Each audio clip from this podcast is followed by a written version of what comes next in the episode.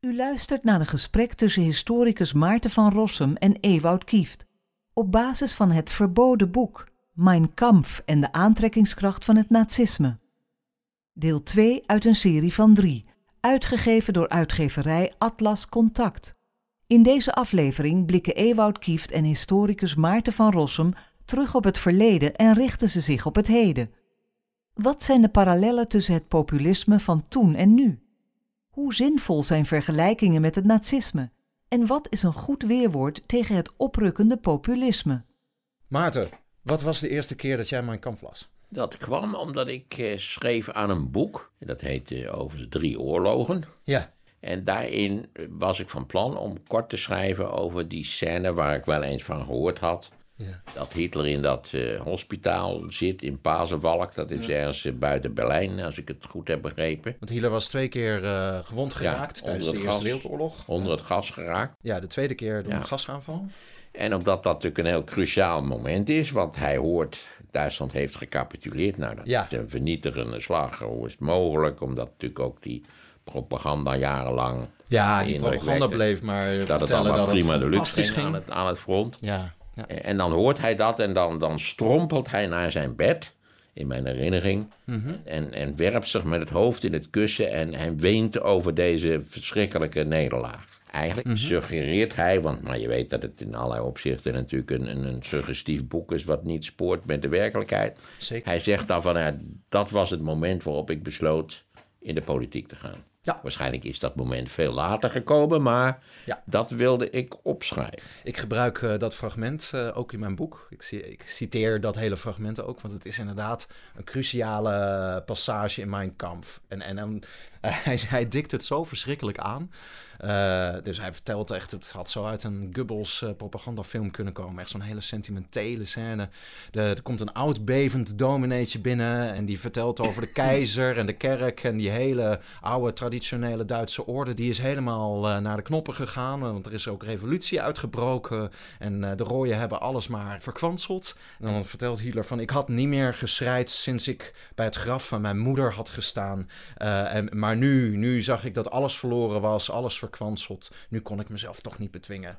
En dan schrijft hij: Ik besloot politicus te worden. Dat is het eind van die passage. En vlak Dat daarvoor... daarmee natuurlijk suggereert dat hij op dat moment, als, als het ware in een flits wist: dit gaat nog een keer gebeuren, dit moet nog een keer gebeuren. Kan ook een bron van inspiratie zijn voor, tegenwoordig heet dat een leermomentje. Ja, een leermomentje. Het was voor Hitler een leermomentje. Maar goed, waarschijnlijk is hij pas veel later eh, tot het besluit gekomen dat hij in de politiek moest. Je zegt net eh, dat zinnetje, maar ik besloot politicus te worden. De drie zinnen daarvoor, eh, dan heeft hij dat hele dramatische moment. En dan zegt hij dus van, ja, en dat is dus de schuld van de socialisten. En hij heeft al eerder in Mein Kampf gezegd, alle socialisten zijn Joods. En, en, dan staat er letterlijk in Mein Kampf tussen... de Jood en de Germaan kan alleen maar het onverbiddelijke, gij of ik, bestaan. En dan komt het zinnetje, maar ik besloot politicus te worden. Dus in die hele scène bouwt hij dus ook helemaal op naar socialisten zijn Joods. En, en we moeten Ja. eh, eh, die strijd eerst aangaan. Pas dan kunnen we eh, de schande van de Eerste Wereldoorlog weer ongedaan maken. Eigenlijk schrijf jij ook in je boek dat Hitler, dat is natuurlijk vrij bekend, die, die hypothese, maar dat, dat onderstreep jij toch uitgesproken, dat Hitler altijd onderschat wordt.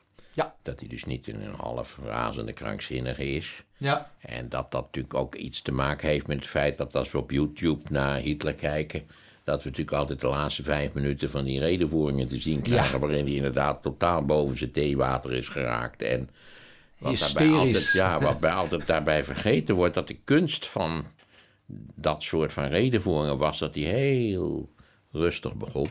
Ja. Vaak met dicht bij de microfoon. Maar de kunst was dat hij die hele zaal, 4000 man, meenam in zijn emotie. En dat is natuurlijk een immens talent. Laten we niet vergeten, we hadden van deze man nimmer gehoord. Ja. Als het geen grote redenaar was geweest. Wat je ook verder van hem mogen denken. En ook als je natuurlijk, want dat schrijf jij ook. Eigenlijk is Mein Kampf een nogal geraffineerd stukje propaganda.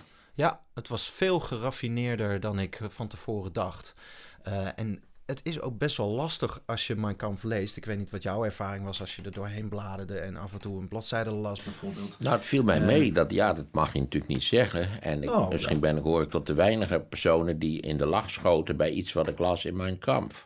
Ik moest Nou, maar- regelmatig ook. eh, Ja. eh, eh, ja, je, er is ook een soort stuip dat je, dat je het allemaal zo belachelijk vindt af en toe. Dat je, eh, of bedoel je dat niet? Dat je ook echt Nee, de humor bedoelde- van Hitler zelf eh, ja, dat was het zinnetje dat als de Joden gewonnen hadden, dat we dan allemaal Esperanto moesten gaan spreken. Ja, En dan schoot ik, ik schoot in de lach bij. Omdat nadat ik dat Pazenwalk stukje had eh, bekeken. En, en dus genoeg had om dat, eh, om dat eh, te transcriberen, of moet je dat zeggen, om het te gebruiken in dat boek. Ja. Dan bla- blader je toch nog even door het boek. Het is trouwens een vrij substantieel boek, wat ik me ervan herinner. 810 pagina's. Kijk eens aan. Ja. Kijk, en die heb ik bepaald dus niet allemaal gelezen, maar Nee. ik heb er wat doorheen gebladerd. Het valt ook niet mee hoor. om, Ik, om ze ik alle was het ook 810 met je lezen. eens dat, dat de Nederlandse vertaling, Ja. die in no time door iemand vervaardigd is in 39. Ja, Steven Barends. Ah. Eigenlijk Samuel Barends. Dat is- Samuel vond Dat is niet een, een afschuwelijk slechte vertaling. Mij viel het Ja, nogal dat mee. klopt, mij ook. Eh, ik had ook momenten dat ik eigenlijk dat ik ook wel moest gniffelen. Het, het doet me trouwens ook in mijn boek beschrijf ik bijvoorbeeld ook dat eh, er Nederlandse journalisten bij een Hitler-toespraak aanwezig waren. Eentje van de NRC, eentje van het Algemeen Handelsblad. Dus keurig eh, kranten. En die schrijven dan over Hitlers toespraak. En die, zeggen, die zeiden van nou, uiterst geestig en slechts zelden niet overtuigend. Eh, en dat denk je toch, hè? Een gevoel Ja. van humor en Hitler. Ja. Dat, ik denk dat hij vaak sarcastisch was. Dat dat de humor was van Hitler. Eh, dus het is, het is Ja, geen kijk. hele geraffineerde humor die hij gebruikt. Het, het, was zonder meer een groot spreker. En, Ja. en als je dus die duizenden mensen meeneemt in jouw emoties, dan Ja. zitten daar natuurlijk al het klassieke elementen van de retorica zullen daarvoor eh, in principe gebruikt worden. En eh, hij overtuigde velen. Hij wist velen te overtuigen. Ja. En dat, daar is de vraag eigenlijk. Ik heb me ook altijd afgevraagd: is er een, een speciale retorica voor wat hij deed? Namelijk 4000 man in een hele grote zaal. Ja. Want de moderne retorica is natuurlijk televisieretoriek. ja, dat is een hele andere En ik heb- techniek, bedoel je? Precies, ik heb wel eens geschreven: eh, de televisie is eigenlijk iets te laat gekomen, omdat Hitler op televisie nooit zo overtuigend had kunnen spreken. als die in die grote zalen deed. Het was een Ja. stadionspreker, om het maar even zo te zeggen. Maar hij gebruikte ook vaak radio. En dat eh, werd eh, toch ook heel veel beluisterd. Ja, maar je weet, er is die, je, je hebt vast van McLuhan gehoord, hè? Met die beke- bekende Nee. onderscheid. TV is een cool medium. Ja. Dus dan moet je ook. Dus, Oh, dan eh, heb je meer aan de understatement. ja, en, ja, ja, en radio is een hot medium. En het grootste verschil kun je merken bij het verslag van een voetbalwedstrijd. Jack van Gelder doet het goed op de radio, Ja. maar Dus niet... die, die zit hysterisch te schreeuwen, waardoor je altijd denkt dat het een hartstikke spannende wedstrijd is, terwijl het dat helemaal niet is. Kijk, en nu hebben we Jack van Gelder alweer met Hitler vergeleken. Ja, dat, dat mogen we niet doen. Dat, dat verdient Jack van Gelder ook niet. Nee, maar dat brengt me eigenlijk een beetje op een onderwerp wat ik wel eh, graag met jou wil bespreken. De- de- hoe, hoe zinvol zijn vergelijkingen met nazisme? Als, als je in de krant bijvoorbeeld eh, kritiek op de PVV wil uitoefenen eh, en je zegt van eh, typische, nou dat is typische Hitler-retoriek. Of bijvoorbeeld het Christelijke Partij deed het eind jaren negentig als het over euthanasie ging. Die noemden dat nazi-praktijken. Is dat slim? Of is het eigenlijk, werkt het inmiddels averechts? Ik denk dat het meestal averechts werkt, hè, want dan rijst natuurlijk, daarachter rijst onmiddellijk de hele holocaust op. En, Ja. En alle 50 miljoen doden die de Tweede Wereldoorlog eh, veroorzaakt heeft. Ja. Ik denk dat je het alleen mag doen wanneer je eerst een, een, toch een analyse hebt gemaakt van de wezenskenmerken van het populisme. Ja. Want ik geloof wel dat het nationaal socialisme is een vorm van populisme. Ja. Alleen is die historisch gekoppeld aan het interbellum en sterk gerelateerd aan de geweldsexplosie die de Eerste Wereldoorlog was. Denk ook aan de uniformen en, en, en de optochten en, en de fakkels en, en de boekverbrand. Nou ja, dat, er is een heel... Hè, dat is een hele, hele poppenkast die erbij hoort en die specifiek is voor een, voor een bepaald tijdperk. En je kan veel van eh, Geert Wilders zeggen, maar niet dat hij antisemitisch is. Bijvoorbeeld. Nee, al, al ben ik geneigd om te zeggen, de functie van zijn anti-islam kruistocht, laten we het maar even zo noemen, want een soort van is het toch wel, Ja. die, die is precies hetzelfde als de functie van het antisemitisme in, in, in de Mein Kampf en, en ook in de nazi-ideologie. Dat zijn vergelijkbare dingen. Ik denk dat ze... Eh, je hebt een vijand nodig. En dat is niet zomaar een beetje een vijand, alleen op zaterdagmiddag of zo. nee. Dit is een absolute, totale, dodelijke vijand. En het mag er maar één zijn. Ja, en als je hem niet verslaat, Ja. zal hij jou verslaan. Het onverbiddelijke, gij of ik. Ik heb Martin Bosma horen zeggen, als we, als we nu niet aanpakken en optreden, Ja. dan wordt de hele autochtone Nederlandse bevolking binnen een kwart eeuw op transport gesteld naar Australië in oude vrachtschepen. Dat, schrijf ik ook in mijn boek, dat eh, bijvoorbeeld de ontkenning door de PVV dat de islam een religie zou zijn en dus eh, aanspraak zou ma- mogen maken op zoiets als godsdienstvrijheid. En eigenlijk dus ook het beeld van eh, moslims als mensen die een persoonlijke geloof eh, aanhangen en dus niet per se een politieke ideologie naast heeft, maar gewoon iets wat zin geeft in hun eigen leven. Dat ontkent eh, de PVV voortdurend, structureel. Dat heb ik eigenlijk, dat, dat vond ik een heel erg kwalijk. Zo, zo is het natuurlijk, zo voldoet het veel meer aan dat noodzakelijke vijandbeeld natuurlijk, Ja. als het een Ja. gewelddadige politieke ideologie is. Want Ja. dan kun je het ook losmaken van godsdienstvrijheid. en Precies, dan hebben ze daar ook helemaal geen recht op. hele artikel 6 en artikel 23, dat heb je allemaal niet meer nodig. Artikel 1. Ja, ook dat. Maar de, de vergelijking is, als je zegt van ja, het is net Hitler. Nee, dat, dat is niet zo. Je moet eerst uitleggen wat populisme is. En, en, en populisme heeft te maken met, met angst en onzekerheid. En de kern van alle populisme is dat je beweert dat er zoiets is als een volk. Hè? Ja. Een, een coherent, homogeen volk Ja. wat wortelt in een historisch proces en wat specifiek is voor die natie. Ja. Hè? Het Duitse volk. Ja. Denk ook aan Volkswagen. Daar denken we nooit aan dat dat daar van.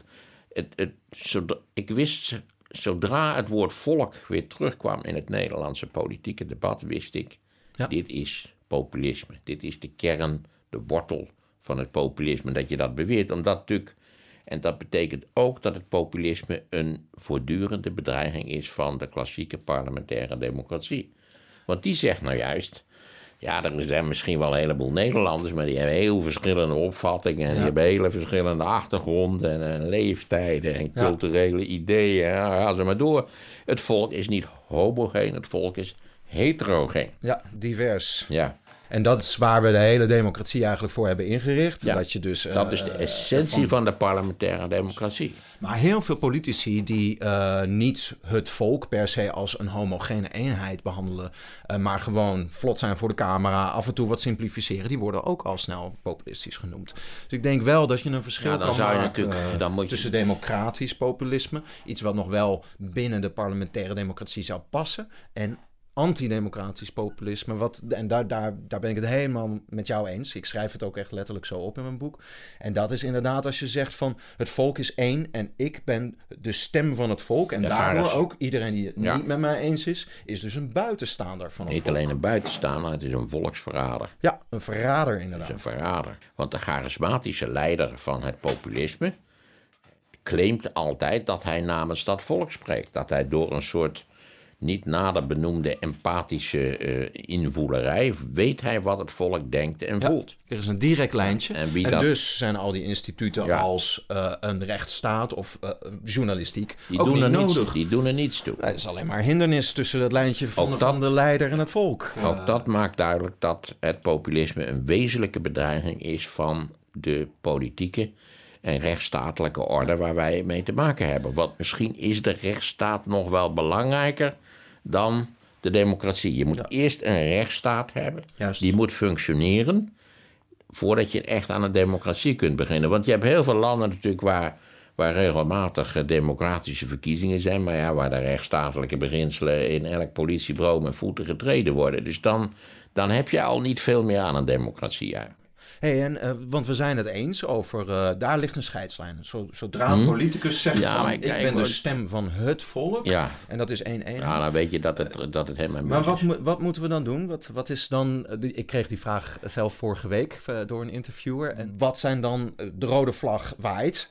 Een politicus zegt het. Trump zei het bijvoorbeeld tijdens zijn campagnes. Trump is ook een, eh, typische populist. Wilders zei het tijdens de Ze, rechtszaak. zijn ook, ze leiden ook altijd bewegingen. Hè, want de beweging is geen politieke politieke partij, maar beweging is iets waar, waar emoties samengebonden worden, als het ware, in, Ja. een, in, een, in een volksboeket. om Maar wat, wat, zo- zou, wat zouden we dan, wat zou een goed, goed weerwoord daar dan tegen zijn? Moeten, moeten alle kranten dus dat ook gewoon eh, daar met een rode streep onder zo van: Ja. oké, dit is antidemocratisch? Ja, we, moeten, we moeten de confrontatie aangaan. Eh, Of zou, En- zou, zou je het strafbaar moeten stellen? nee, dat Nee, zou dat- ik niet doen. Geloof ik ook niet hoor. moet je steeds bewust zijn van het feit dat deze lieden, en ze komen tegenwoordig overal voor, ik bedoel of het nu Marine Le Pen is, of de Alternatieven voor Duitsland, of, of het is Geert, of het is Trump, of dat, Ja. dat Erdogan ook een klassiek voorbeeld. Erdogan is ook een, echt een voorbeeld Eh, daarvan. Je moet je wel bewust zijn van het feit dat deze lui het voorzien hebben op wat wij van essentiële betekenis achten voor de Ja. rechtsstatelijke en democratische orde. Ja. En daar, dat doen wij, wij gaan veel te weinig de confrontatie aan. Integendeel, en dat, daar vond ik jou wel erg eh, begripvol. Dat er politici zijn die ook wel eens een beetje, een beetje populistische geluiden maken en zo. Maar daar hoeven we ons niet zo druk over te maken. Ik vond bijvoorbeeld de VVD-campagne Ja. van de afgelopen verkiezingen vond ik een weerzinwekkende vorm van populism light. Dat is eigenlijk Ja. minstens even erg. En dat is het idee doe normaal. Ja, Want de hele essentie van doe normaal is dat het Nederlandse volk wel weet wat normaal is. hè, Maar dat er ook mensen zijn in Nederland die niet normaal zijn. En dat bleken in die geraffineerde klote brief Ja. die Rutte had laten opstellen. waar die dan heel makkelijk weer uit kon dat- glijden ja, als dat, het hem dat uitkwam. Precies. Ja. Dat dat mensen zijn die van buiten komen. Dat is ook zelf ook al vrij eigenaardig. Dat Syriërs naar Nederland komen om hier in feite eh, ons land te versteren. Ik dacht niet dat dat hun primaire bedoeling was, eerlijk gezegd. Nee, ik ben in mijn boek noem ik wel, eh, eh, ben ik wel heel hard voor de VVD en, de, en het CDA tijdens de formatie van Rutte 1. Die dus inderdaad Ja, het standpunt was- van, van de PVV, Ja. de islam is geen religie, zomaar nou, acceptabel vonden. We agree to disagree. Het was ze. een abject kabinetje. Ik heb er geen andere woorden voor.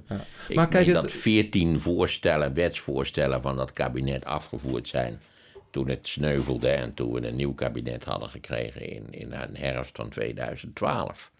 Maar ik denk dus wel, want, want eh, heel veel van de kritische geluiden tegen Rutte 1 bijvoorbeeld, als je gewoon het erbij laat eh, van Bruin 1 bijvoorbeeld zeggen, het helpt denk ik heel erg als je heel scherp kan uitleggen, zoals jij net deed, van en dit en dit is precies de reden waarom het eh, verwerpelijk is, waarom het antidemocratisch is. Ja, bijvoorbeeld het is een dus, hele ze maken andere- gebruik ja. van, van die voorstelling van het volk, dat is antidemocratisch. Zou dat Daar niet gewoon een heel standaard andere- moeten worden? Ja, dat vind ik wel. kritiek. En mensen zouden zich iets meer op de hoogte moeten stellen van wat de wezenskenmerken van het populisme zijn. Want anders blijft het een beetje bijgescheld. Dan zeg je gewoon van ja, ik ben het er niet mee eens, dat is nazisme. Dan herken je het ook. En, en bovendien een variant van de democratische theorie, namelijk de plebiscitaire democratie. Dat het ook dat het voldoende is dat met name de, de, de leider, de charismatische leider, af en toe het volk raadpleegt. Hè, een plebiscit houdt. Ja. Een, een referendum wat je er precies van bakken wil. Ja. En, en we zijn, het, het wonderlijke van de democratie is natuurlijk dat het zijn eigen populisme genereert in het algemeen. En dat hangt samen met het feit dat, natuurlijk, als je er even over nadenkt, dat het wel vrij duidelijk is dat je in een parlementaire democratie, bijvoorbeeld Nederland, niet alle, wat zal het zijn, 14 miljoen stemgerechtigden over elke kwestie op elk denkbaar moment kunt raadplegen. Dat is niet zo. En dan begint- dat gepiep, ja, er zijn maar één keer per vier jaar verkiezingen. Of, of wat, wat heeft dat nou te betekenen? Nou, dat heeft alles te betekenen. Omdat als je dat in een wat ruimer perspectief ziet, zie je in feite hoe gevoelig die parlementaire democratie ook is voor stemmingswisselingen, andere opvattingen die in het loop der tijden over Nederland vaardig zijn geworden. Hi- Hitler schrijft in Mein Kampf: eh, het overgrote deel van de bevolking is eigenlijk te dom om nuance te begrijpen. Eh, een genuanceerd bestuursverhaal. waarin je dus zegt zo van: kijk, eh, eh, dit is een heel groot probleem, immigratie, maar we kunnen natuurlijk niet eh, één religie daarvan de schuld geven. Nee, zegt Hitler, dat moet je wel doen, want anders begrijpen de mensen het gewoon niet Ja. en verliezen ze hun interesse. Ja. Zijn mensen eigenlijk, zitten we eigenlijk gewoon niet met het probleem dat de meeste mensen te dom zijn om, om te mogen stemmen? Ja, dat is een heel lastig, eh, eh, een hele lastige discussie natuurlijk. Omdat iedereen die zelfs in zijn eigen, neem mijn eigen omgeving, meestal academisch gevormd, zelfs daar kom je toch een, een naïviteit en een gebrek aan kennis omtrent democratie en politiek tegen wat vaak schokkend is. En, eh, en, en misschien, ik noem net dom, maar misschien is gewoon een gebrek aan interesse wel het echte probleem. Laat ik een zo extreem mogelijk voorbeeld geven en dan mag jij zeggen wat je Zo extreem mogelijk, dat uh, zou Hitler helemaal mee eens dat zijn. Ja, dit, dit is anders bedoeld eigenlijk.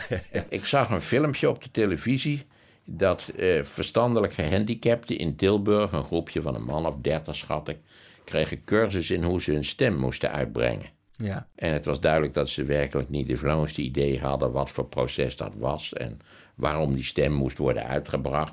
Het, het was op het laagste niveau dat je een papier kreeg en een rood potlood en dat je dan een rood balletje uh, moest, moest maken op dat papier. Ja. En toen dacht ik toch, is dit juist? Moeten we ook verstandelijk gehandicapten leren hoe ze een rood balletje moeten maken, terwijl ze verder eigenlijk niet de flauwste sjoegen hebben wat ze doen? Ja. En Ja. als dat zo is, waar trek je je lijnen dan? Ja. Hè? Dit waren evident verstandelijk gehandicapten. Nee, maar ik snap je, eh, je punt. Uh, een vriend van mij zei, zei een keer uh, uh, vrij verontwaardigd van... we zouden eigenlijk een, een vragenformulier moeten ter entreebewijs van het stemlokaal. En als je dus niet weet waar je op stemt... dus de vraag is bijvoorbeeld waar stemt u op? En als ze aankruisen de regering... mag je niet stemmen. Als, als ze aan, aankruisen de Tweede Kamer der Staten-Generaal... mag je door. Ja, dit zijn fameuze punten. Mijn voorstel was altijd tien, dat er tien vragen zouden worden gesteld... Bij de, Ja. aan elke kiezer, schriftelijk. Ja. Die zouden door mij worden opgesteld. Oh, door jou, ja. ja. En, en wie er meer dan uh, vijf uh, verkeerd had, die Ja. uh, fout had, die mocht jammer genoeg zijn stem niet uitbrengen. Je mocht wel de volgende keer, je mocht wel thuis gaan oefenen, dat je bij Ja. de volgende stemming, mocht je, mag je het weer proberen. Een hertentamen. Ja, ja, precies, een herkansing. Ja. De universiteiten zijn ook meesters in herkansingen en tenslotte... Ja, maar maar dat, is mooi. De- Binnen de democratie zou iedereen een Ja. tweede of derde kans mogen krijgen. Maar Het probleem is natuurlijk dat je dan een regering krijgt waar eh, toch een groot deel van de bevolking zich niet eh, vertegenwoordigd of voelt. Je weet precies wat voor regering je krijgt. Ja, Namelijk Ja. een regering van mensen die voornamelijk VVD stemmen. Het is ja, misschien ook nog wel een beetje fatsoenlijk linkse partijen, maar, maar weinig van onderop borrelt. Ja. Het gekke is dat ik. dus er moet ook een uitlaatklep zijn in het democratische systeem. Intellectueel vind ik het een aantrekkelijk idee, die tien vragen. Ja, Maar gevoelsmatig begrijp ik wel dat, dat je dan toch, ondanks alles, de democratie de nek omdraait. ja je krijgt toch een legitimiteitsprobleem. Ja. En mensen voelen zich niet vertegenwoordigd. Helaas. En, en terecht. Ja, dat denk ik ook. hey, maar eh, misschien wel ter afsluiting van ons gesprek. Eh, we hebben nu over vergelijkingen met het nazisme gehad. Als je wereldwijd kijkt, eigenlijk kwam ik in mijn boek toch tot, tot de conclusie... wat lijkt er wereldwijd nou meest op het nazisme? En ik dacht, IS, toch. Eh, als je kijkt naar de geweldsverheerlijking, de oorlogsromantiek, eh, martelaarschap, antisemitisme. Daar zit een element in wat bij Hitler ontbreekt, namelijk dat het uiteindelijk gegrondvest is op religieuze overtuiging. Op, op een, het is een geradicaliseerde, een geradicaliseerd aspect van, eh, van het Mohammedanisme. Maar daar ben ik het niet helemaal mee eens En, trouwens. en Hitler Eh, heeft gewoon een ideologie uitgevonden, zou ik, nou uitgevonden. Een religie, zegt hij in mijn kamp. bij elkaar gesprokkeld Ja. uit, uit, uit allerlei bronnen natuurlijk. Het was er al lang Ja, een heleboel van die opvattingen zijn ook permanent. Ik beval jou nog een mooi stukje aan van Umberto Eco, dat heet Alledaags Fascisme. Ja. Dat kan ik iedereen warm aanbevelen, want dan herken je die elementen ook. Daar komt dat ook ideeën voor. Voor heel veel mensen is de enige vorm van, van emotionele identificatie is hun eigen vaderland. Hè? Of denk, denk aan de hysterie over dat surfen voetbal. Dat heeft verder met dat voetbal niet zo te maken. Dat heeft te maken met de immense behoefte die mensen hebben om, om ergens tribaal bij te horen. Om, om deel te zijn van een grotere gemeenschap. Een saamhorigheidsgevoel. Saamhorigheidsgevoel. Dus als, daar kun je ook op spelen. Dat, dat doet Zeker. Hitler ook op geniale manier. Hij zegt ook geloof is sterker dan wetenschap. Ja. Ik heb onlangs dat boek van Huizinga gelezen, eh, In de schaduwen van morgen. Ja, waarin Hu- Huizinga waarschuwt voor het opkomend eh Ja, het is nazisme. een feit, het is een beetje allemaal een beetje deftig geformuleerd, maar het is, het is een voortreffelijke analyse van de problemen die hier Ja. ontstaan. Namelijk, hij noemt dat dan mythos wint het van de logos. Ja, precies. Dat is de typische gymnasiumretoriek eh, die toen... Ja, dat, dat, is, dat is zonder meer fijn. Maar het is een knappe analyse. Ja. Hij ziet scherp dat in feite het, het bij het nationaal socialisme totaal niet gaat om de waarheid of zo. Of, of een Nee. correspondentie met werkelijke maatschappelijke processen 0,0. Hitler schrijft ook in Mijn Kampf, we moeten van het nazisme een religie maken. Dus het gaat, we moeten helemaal geen aanspraak doen op het verstand van mensen, of argumenten of feiten, maar we moeten zorgen dat mensen in ons gaan geloven. En dat had denk ik ook wel te maken dat hij heel goed doorhad van de kerken zijn toen ook al aan het leeglopen. Ja. En mensen zoeken nou, naar een gemeenschapsgevoel met een soort bezield verband en, en, en een soort ook eh, leven na de dood in de volksgemeenschap. De mens heeft hele sterke tribale instincten natuurlijk. Maar, maar dus dat vind ik juist ook nog wel ook een overeenkomst met eh, IS. Eh want IS maakt ook van de islam een nieuwe religie die... eh, hele veel traditionele vormen van islam eh, lijken daar helemaal niet op. Dat is ook een, op internet bij elkaar gesprokkeld. Nieuwe islam. ja, het is een bovendien ook een sunnitisch, vooral een sunnitisch radicalisme in het algemeen, wat natuurlijk ook een beetje politiek getint is. Dat, hè, dat het is natuurlijk ook heel lastig om een heel scherp onderscheid te maken tussen een politieke ideologie enerzijds en een religie, zeker wanneer die ook, ook politieke connotaties heeft aan, aan de andere kant.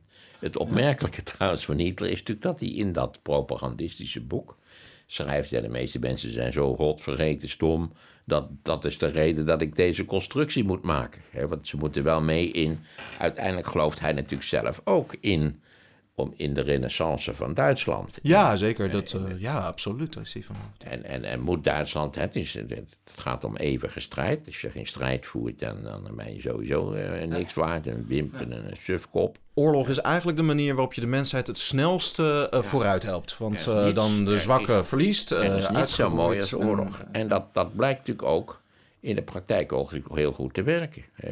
Ik wil nou niet, ja, dit is een beetje een ongelukkig voorbeeld, maar Trump ging het heel slecht.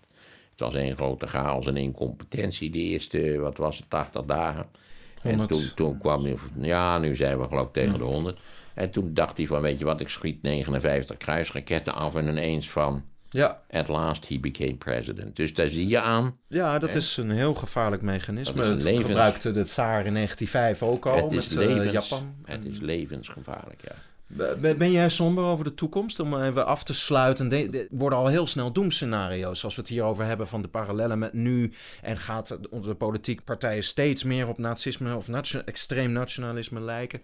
Is, eh, hoe, hoe keren we die, eh, eh, die ontwikkeling? Nou, je schrijft iets heel interessants in dat boek over Mein Kampf. Dat zou het, ik denk in de slotbeschouwing, is het eigenlijk niet zo dat we nu op de grens zitten van een nieuw tijdperk. Daar moet je overigens altijd enorm mee uitkijken. ja, zeker. En dat het post-Tweede Wereldoorlog tijdperk aan zijn eind is gekomen, waarin Ja. we beseffen, jongens, nooit meer oorlog. We moeten echt zorgen dat we dat institutionaliseren, de Europese Unie, Ja. internationale samenwerking. eh, Dat dat eigenlijk allemaal vanzelfsprekend is. Want er wordt de hele tijd geroepen nooit meer oorlog. 75 jaar Dus de normaalste zaak van de wereld eh, vonden. Ja, En dat nu heel veel mensen eigenlijk dus geconfronteerd worden met allerlei praktische problemen. Blijken ze Ja. geen bal geleerd te hebben van die afgelopen 70 jaar, maar eigenlijk weer terug te vallen in, in ouderwetse emoties. Ik zelf ben geneigd om te denken, zolang onze economie min of meer tevredenstellend blijft draaien, ja. denk ik dat het erg zal meevallen en dat dit een, een, een tussentijdperk zal zijn, omdat populisme is niks nieuws. Nee, precies. We hadden in het jaren 60 hadden we linkspopulisme, dat is D66. Dat zijn nu hele fatsoenlijke mensen geworden. Maar dat waren... Hans van Mierlo zei, ik ga het Nederlandse politieke bestel opblazen. Nou, hij had het ook over een kiezersrevolte. En Wilders zei terecht: van Ja. kijk eens, als ik het zeg, dan word ik ja. aangevallen. Maar Van Mierlo zei het ook. Ja, daar heeft hij groot gelijk. En je hebt natuurlijk in de gelijk. Verenigde Staten in de 19e eeuw al heel typische populistische bewegingen. En het, dan is het tot op heden is het altijd een tussenfase geweest. Een, een, het- Als er veel verandert in de wereld, veel verwarring is, onzekerheid, dan grijpen mensen even terug. De ja- jaren 60 waren natuurlijk ook een periode van heel intense eh, en snelle culturele veranderingen, die ook sterk door de media gedragen werden. Ja. En, en dat we hebben nu natuurlijk ook een kredietcrisis achter de rug. Eh, we hebben dat hele probleem van die mondialisering. Al wordt dat naar mijn idee wel enigszins overdreven. Maar goed, dat, dat is een fijne, mooie verklaring. En wat we natuurlijk ook hebben, vergeet dat niet, is dat natuurlijk de, de verzuiling in Nederland in de afgelopen 30 jaar definitief eh, Ja. in elkaar gedonderd is. Ja, er is echt niets meer van over. Nee, en, maar dat was voor vele mensen natuurlijk. Ze zijn aan de ene kant blij dat ze uit de zuil zijn ontsnapt. Ja. En aan de andere kant beseffen ze nu pas dat ze iets wezenlijks hebben verloren. Ja, ze kijken nu ineens zo eh, om zich heen en denken van het is toch wel guur hier. Wat nu? Ja. En dan is natuurlijk dat die, die populistische identificatie. Hè? De, en de tradities, Zwarte Piet. eh, eh, de, eh, doe normaal. Je, je, je mag geen vrolijk Pasen meer zeggen, maar vrolijk voorjaar nu. De, dat soort Ja, dat is ook. Ja. Dat heeft En, daar denk ik wel mee te maken. doe normaal. Kortom, doe Nederlands. Ik vroeg het aan mijn vrouw. Denk je dat ik normaal ben? Nou, jij bent volstrekt kansloos. En, Jij gaat het niet over, overleven Nee. in de nieuwe Doe Normaal. jij, eh, denk jij dat je normaal bent? Nee, ik, ik ben eh, ook, eh, ik heb me toch ook altijd al een soort buitenstaander gevoeld. Dus wij zullen toch een soort, soort immigratieland moeten vinden. Ja, een kleine republiek van mild-ironische historici. Ja, mijn voorstel is eigenlijk van Texel een onafhankelijke republiek te maken. Terschelling, zullen we Terschelling doen? Ja, misschien nog Vlieland is dat nog kleiner, toch? Ik vind Terschelling wel leuk. Laten we naar Terschelling gaan. Oké, Terschelling. Zelfstandige republiek. De zelfstandige republiek Terschelling. Antipopulistische zelfstandige Ja, ja, republiek. ja, ja. U heeft geluisterd naar een lezing van Ewout Kieft op basis van zijn boek Het verboden boek Mein Kampf en de aantrekkingskracht van het nazisme. Luister verder naar de volgende aflevering, waarin Bas Kromhout en Ewout Kieft een antwoord zoeken op tegenwoordig misschien wel de meest gestelde vraag over Hitlers Mein Kampf, namelijk waarom zouden we Mein Kampf moeten lezen? En kunnen we uit Mein Kampf inzicht krijgen in hoe racisme werkt?